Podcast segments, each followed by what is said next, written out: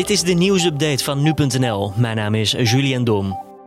Een meerderheid in de Eerste Kamer is positief over de corona-app. Zo lijkt de weg vrij voor de landelijke invoering van de coronamelder. Al klinkt er nog wel enige kritiek. Minister Hugo de Jonge omschreef de app als een domme app tussen aanhalingstekens. Het is niet wie je bent en waar je bent geweest, al dus de minister. Wat de app doet, is anonieme codes onder de gebruikers uitwisselen, zo verzekerde hij.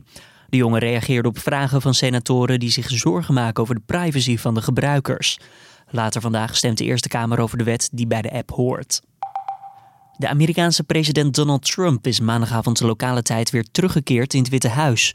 Bij thuiskomst deed de president direct zijn mondkapje af voor een fotomoment. Ook liet de president van zich horen. And I know there's a risk, there's a danger, but that's okay. And now I'm better, and maybe I'm immune, I don't know. But don't let it dominate your lives. Get out there, be careful. Trump is nog steeds besmettelijk voor zijn omgeving, al dus zijn persoonlijke arts eerder op maandag. Ook stijgt het aantal Witte Huismedewerkers dat is besmet met het coronavirus nog altijd. Demonstranten in Kirgizië hebben maandag het parlements- en regeringsgebouw in de hoofdstad bezet. Dat melden lokale media. De betogers verzetten zich tegen de uitslag van de parlementsverkiezingen van afgelopen zondag. Oppositiepartijen beschuldigen de winnaars van stembusfraude en ze eisen nieuwe verkiezingen. Ook onafhankelijke waarnemers hebben onregelmatigheden geconstateerd bij de stembusgang. Bij de burgemeesters van het Veiligheidsberaad heerst onvrede over de plotselinge draai van het kabinet over het mondkapjesbeleid.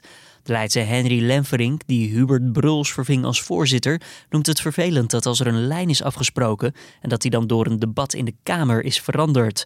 Aanvankelijk werd afgesproken dat in een groot deel van de Randstad en in de regio Eindhoven een mondkapjesadvies zou gelden.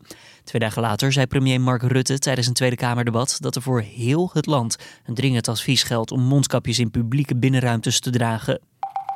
De Koninklijke Marechaussee heeft maandagavond op Schiphol een man in zijn been geschoten nadat hij met een groot mes in de vertrekhal liep.